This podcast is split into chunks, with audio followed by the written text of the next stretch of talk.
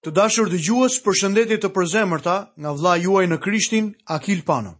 Ju uroj mirëseardhjen në programin e sotëm. Ju kujtoj që jemi duke studiuar në kapitullin e tretë të Ungjillit sipas Lukës. Në emisionin e kaluar folëm për Gjon Pagëzorin dhe për shërbesën e tij profetike. Thamë që përvoja normale e këtij njeriu do të kishte qenë të shërbente në tempull ashtu siç i ati.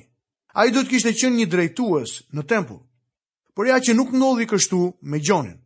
Ai e përçmoi këtë gjë dhe në vend të saj zgjodhi shkretëtirën.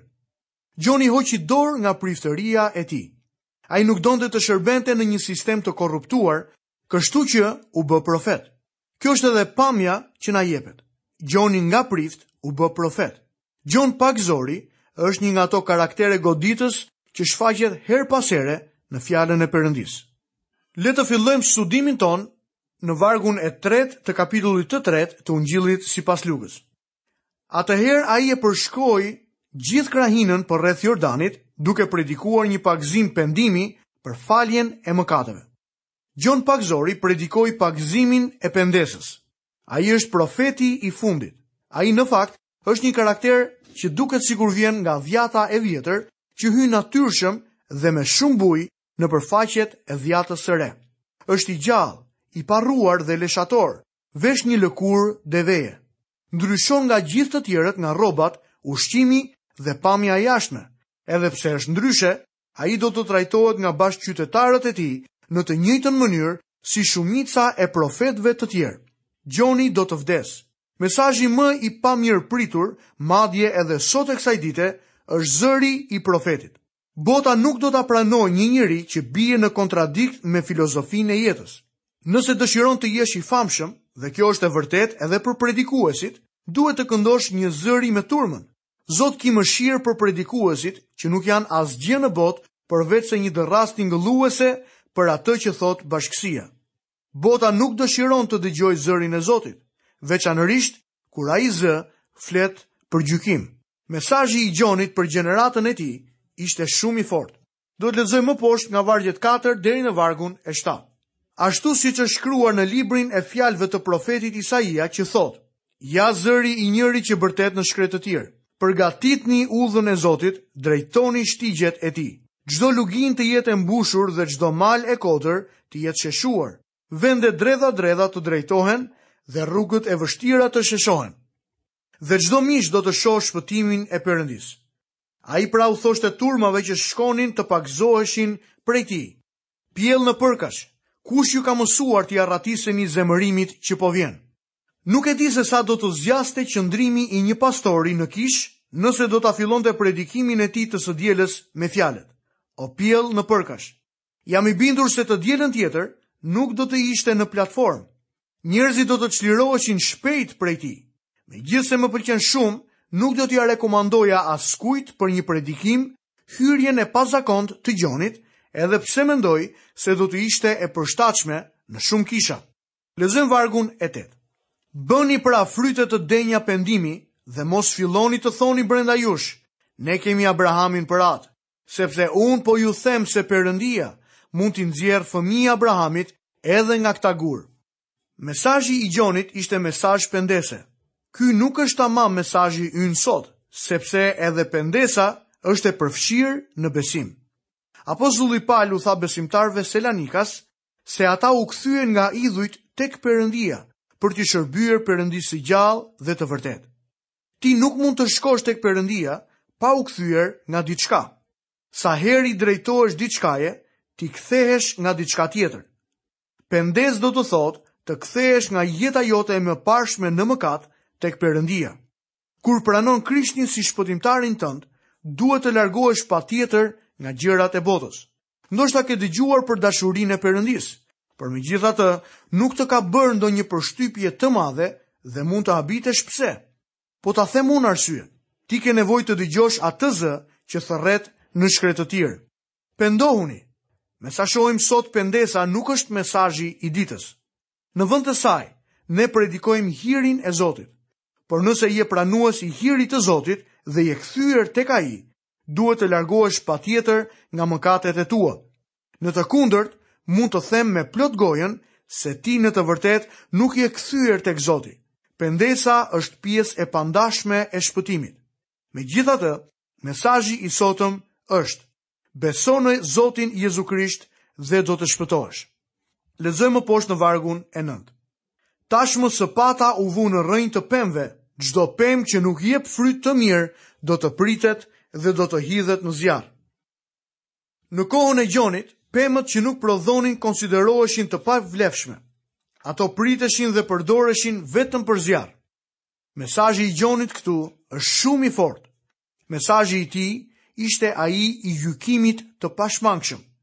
Ne duhet të kuptojmë se ky është një nga aspektet e mesazhit të Zotit edhe për ne, njerëzit e ditëve të sotme. Kombi i Izraelit nuk kishte qenë prodhimtar ashtu siç priste Perëndia dhe gjykimi do të ishte pjesa e tyre. Gjon Pagëzori po i tregonte gjithë Izraelit se nëse nuk sillin fruta të denja pendese, sëpata do të vinte në rrënjët e pemës, Zoti Jezus po i thotë të njëjtën gjë kishës edhe sot. Lexojmë pra vargjet 10 deri 11. Dhe turmat e pyesnin duke thënë: Dhe ne pra, ç'të bëjmë? Atëherë ai duke u përgjigjur u tha: Ai që ka dy tunika, le t'i ndajë me atë që s'ka, dhe ai që ka të hajë, le të veprojë po kështu. Gjoni po i tregonte Izraelit me një gjuhë të thjeshtë dhe të kuptueshme se ata po jetonin për veten e tyre dhe nuk po përpiqeshin të ndanin me të tjerët atë çfarë ata kishin. Lexojmë vargun dymbëdhjetë dhe trembëdhjetë. Tani erdhën edhe disa tagrambledhës që të pagëzohen dhe e pyetën, Mësues, ç'duhet të bëjmë? Dhe ai u tha atyre, Mos vilni asgjë më tepër nga sa ju është urdhëruar. Tagrambledhës quheshin ata që mblidhnin taksat dhe njiheshin mirë për lakminë e tyre. Ata gjithashtu u kthyen tek Gjoni dhe i thanë, Çfarë duhet të bëjmë? Edhe ata u kthyen tek Zoti. Lexojmë vargun e 14.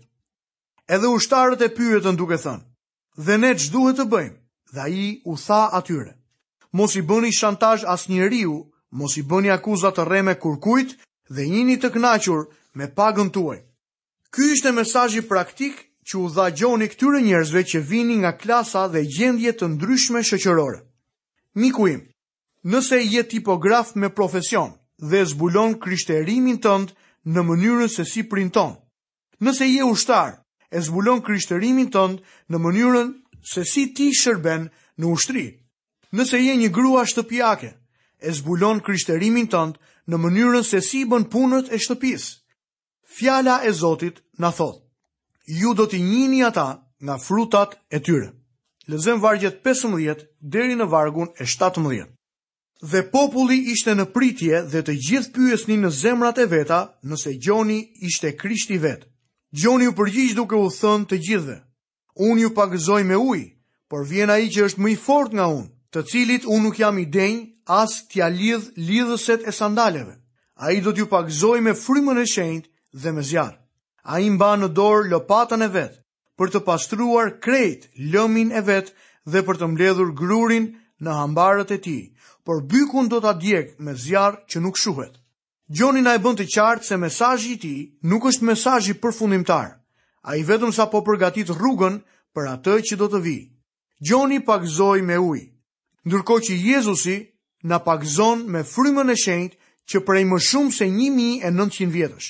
Në ardhjen e tij të dytë, Jezusi do të jetë pagëzuesi me zjarr. Lexojmë më poshtë vargun nëntëmbëdhjetë deri në vargun e njëzet. Por Herodi tetrarku, mbasi u qortua prej tij për shkak të Herodiatës, gruas së vëllait të tij Filipit, Dhe për të gjitha mbrapshtësitë që ai kishte kryer, u shtoi të gjitha të tjerave edhe këtë, domethënë e futi Gjonin në burg. Gjoni kishte qortuar publikisht Herodin, sepse ishte martuar me Herodiadën gruan e vëllait të tij, Filipit. Herodiada ishte e tërbuar nga kjo dhe kërkoi që Gjoni të futej në burg. Herodi ia plotësoi dëshirën dhe kështu Gjoni u arrestua dhe më pas u burgos. Le të shohim pagëzimin e Jezusit, vargu 21 dhe 22. Tani si u pagëzua gjithë populli, edhe Jezusi u pagëzua dhe ndërsa po lutej, qielli u hap dhe fryma e shenjtë zbriti mbi të. Në trajtën trupore si të pëllumbit dhe nga qielli erdhi një zë që thoshte: Ti je biri im i dashur, në ty unë jam kënaqur. Luka nuk përpiqet të na japë një rend kronologjik të ngjarjeve. Nëse do ta kishte bërë këtë, do të kishte regjistruar një herë pagëzimin e Jezusit dhe pastaj arrestimin e Gjon Pagëzorit. Në pagëzimin e Jezusit zbulohet Triniteti. Fryma e shenjtë zbret mbi Jezusin, që është pjesë e Trinisë dhe Ati qiellor flet nga qielli. Le të hedhim një vështrim mbi gjenealogjinë e Marisë. Pjesa tjetër e kapitullit të tretë të Ungjillit sipas Lukës trajton gjenealogjinë e Marisë dhe jo të Jozefit. Gjenealogjia e Jozefit gjendet tek Ungjilli sipas Mateut. Gjenealogjia e Jozefit fillon me Abrahamin dhe vjen deri tek Zoti Jezu Krisht nëpërmjet Davidit dhe Solomonit. Titulli i ligjshëm për Fronin erdhi nëpërmjet Jozefit. Gjenealogjia e Lukës nga ana tjetër është krejt ndryshe. Ajo na jepet në rendin e kundërt. Luka kthehet në fillim tek Davidi dhe më pas tek Adami. Luka jep historinë e Marisë dhe kjo siç duket hapur është gjenealogjia e saj. Gjaku mbretëror i Davidit rrodhi edhe nëpërmjet venave të saj.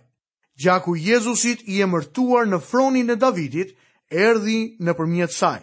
Duhen shënuar dy gjëra në lidhje me këtë gjenealogji. E para, Doktor Luka na e bën të qartë se Jozefi nuk ishte ati i Zotit Jezu Krisht.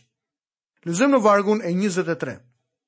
Dhe Jezusi ishte rreth 30 vjeç dhe e pandenin se ishte bir i Jozefit, bir i Elit.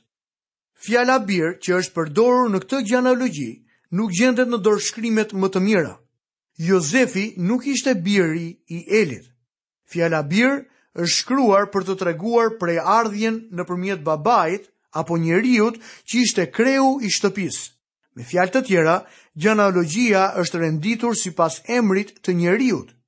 Tek Mateu ku jepet gjenealogjia nëpërmjet Jozefit, thuhet se Jakobit i lindi Jozefi. Gjëja e dytë e rëndësishme është vargu i 31 në të cilin lexojmë. Bir i Meleas, bir i Menas, bir i Matathas, bir i Natanit, bir i Davidit. Në gjenealogjinë e tij, Mateu ndjek linjën e Krishtit nëpërmjet birit të Davidit, Solomonit. Kjo është linja mbretërore. Ndërkohë që Luka ndjek linjën e Krishtit nëpërmjet birit tjetër të Davidit, Natanit. Maria kishte gjakun e Davidit në venat e saj. Jezu Krishti është bir i Davidit. Luka na zbulon Jezu Krishtin si bir të njeriut dhe si shpëtimtar të botës. Linja e tij nuk ndalon me Abrahamin, por kthehet tek Adami, i cili ishte biri i parë i Perëndisë, biri i krijuar i Perëndisë. por kur mëkatoi, Adami ra nga pozita e lartë. Jezu Krishti, i quajtur Adami i fundit dhe biri i Perëndisë, erdhi për ta sjellë njerëzimin sërish në atë marrëdhënie me Perëndinë, të cilën e humbi Adami i parë. Kjo marrëdhënie përmbushet vetëm nëpërmjet besimit në Zotin Jezu Krisht. Këtu kemi përfunduar edhe studimin e kapitullit të tretë të Ungjillit sipas Lukës. Tani do të fillojmë menjëherë studimin tonë në kapitullin e katërt të këtij Ungjilli. Tema e kapitullit të katërt është tundimi i Jezusit. Jezusi kthehet në Galile dhe Nazaret, mohohet nga bashkëqytetarët e tij. Jezusi lëviz për në Kapernaum dhe vazhdon shërbesën e tij. Zoti Jezus, si njeri, tundohet nga Satani. Ato ishin tundime njerëzore, të njëjta me ato që kemi ne sot. Tundimet e Jezusit mbuluan krejt spektrin e tundimeve njerëzore dhe janë të trefishta. Së pari, Satani i kërkon Jezusit të kthejë gurët në bukë për të kënaqur nevojën e trupit. Nuk ka asgjë gabim me bukën. Buka është mjet jetese. Trupi ka nevojë për bukë dhe Jezusi ishte shumë i uritur. A ka ndonjë gabim në këtë vend? Të përdorje fuqinë e madhe për t'i shërbyer vetvetes do të ishte egoiste. Jezusi duhej të demostronte në vetë jetën e tij të vërtetë principin e madh që njeriu nuk rron vetëm me bukë. Kjo është e kundërta e mendimit të epokës materialiste të pagdhendur dhe që jeton vetëm për të kënaqur kapriçot e trupit. Njeriu modern në shoqërinë e sotme laike thotë, Ha, pi dhe martohu sepse nesër ke për të vdekur. Egoizmi është mallkimi i një shoqërie laike dhe mosbesuese. Zoti ynë në përballjen me këtë tundim e hodhi poshtë filozofinë popullore të botës. Së dyti, shohim që Satani i ofroi Jezusit kombet e botës. Kombet e përfitojnë fuqinë e tyre me anë të forcës brutale dhe intrigave politike. Lufta është një rrugë e jetës. Urrejtja dhe frika janë kamzhiku për të motivuar turmën. Kjo është satanike dhe Satani nën këto terma ofron mbretëritë e botës Jezusit. Njerëzit duhet të ndryshohen në mënyrë që të hyjnë në mbretërinë e Perëndisë. Tek Gjoni kapitulli 3 dhe vargu i 3, Jezusi u përgjigj dhe i tha atij, Në të vërtetë, në të vërtetë, po të them që nëse një nuk ka rilindur, nuk mund ta shohë mbretërinë e Perëndisë. Përgjigja e Jezusit ka një notë përfundimtare. Adhuro Zotin, Perëndinë tënd dhe shërbeji vetëm atij. Më vonë apostulli Pal na tregon në letrën e dytë drejtuar Korintasve, kapitulli dhjetë, vargu i tretë deri në vargun e pestë, Sepse edhe pse ecim në mish, nuk luftojmë sipas mishit, sepse armët e luftës sonë nuk janë prej mishi, por të fuqishme në Perëndinë për të shkatërruar fortesat që të hedhim poshtë mendimet dhe çdo lartësi që ngrihet kundra njohjes së Perëndisë dhe t'ia nënshtrojmë çdo mendim dëgjesës së Krishtit. Së treti, Satani e tundon Jezusin për t'u hedhur poshtë nga tempulli. Mund të dukej një procedurë logjike për Jezusin që të linte përshtypje te turma për personin dhe shërbesën e tij, por megjithatë, shohim që Jezusi nuk do të ndjekë rrugën e lehtë për në fron. Stifler deklaron shkurtimisht, Ka dy rrugë për të përçmuar Zotin. Njëra është të injorosh fuqinë e tij dhe tjetra është ta shpërdorosh këtë fuqi. Të dyja janë të mëkatshme. Është e lehtë të mos bësh asgjë dhe pastaj të shqiptosh banalitete të rëndomta se Zoti siguron për harabelat dhe ai do të kujdeset për ne. Por Perëndia thotë, do të hash bukën me djersën e ballit. Për shembull, një misionar në një vend të huaj i duhej të që të studiojë për të mësuar gjuhën dhe pastaj Perëndia do ta ndihmojë atë. Ne jemi partnerë të Perëndisë dhe jo kukulla në duart e tij. Një person i quajtur Edward Judson, pasi mori në konsideratë vuajtjet e të atit, Adoniram Judson, në Burma, tha, Nëse kemi sukses pa vuajtje, është për shkak se të tjerët kanë vuajtur për ne. Nëse ne vuajmë pa patur sukses, është se të tjerët do të kenë sukses pas nesh. Jezusi refuzoi një pozitë shpirtërore fallso dhe hipokrite. Përgjigja e tij ishte shkatërruese, Nuk do të tundoni Zotin ashtu siç u përpoqët në Masa. Histori të cilën e gjejmë tek Ligji i Përtërirë, kapitulli gjashtë, në vargun e gjashtëmbëdhjetë. Në fakt Jezusi e filloi shërbesën e tij publike në qytetin e tij të Nazaretit, kur lexoi nga libri i profetit të Isaias, kapitulli gjashtëdhjetë e një vargjet një dhe dy, në momentin kur Jezusi ishte në sinagogë.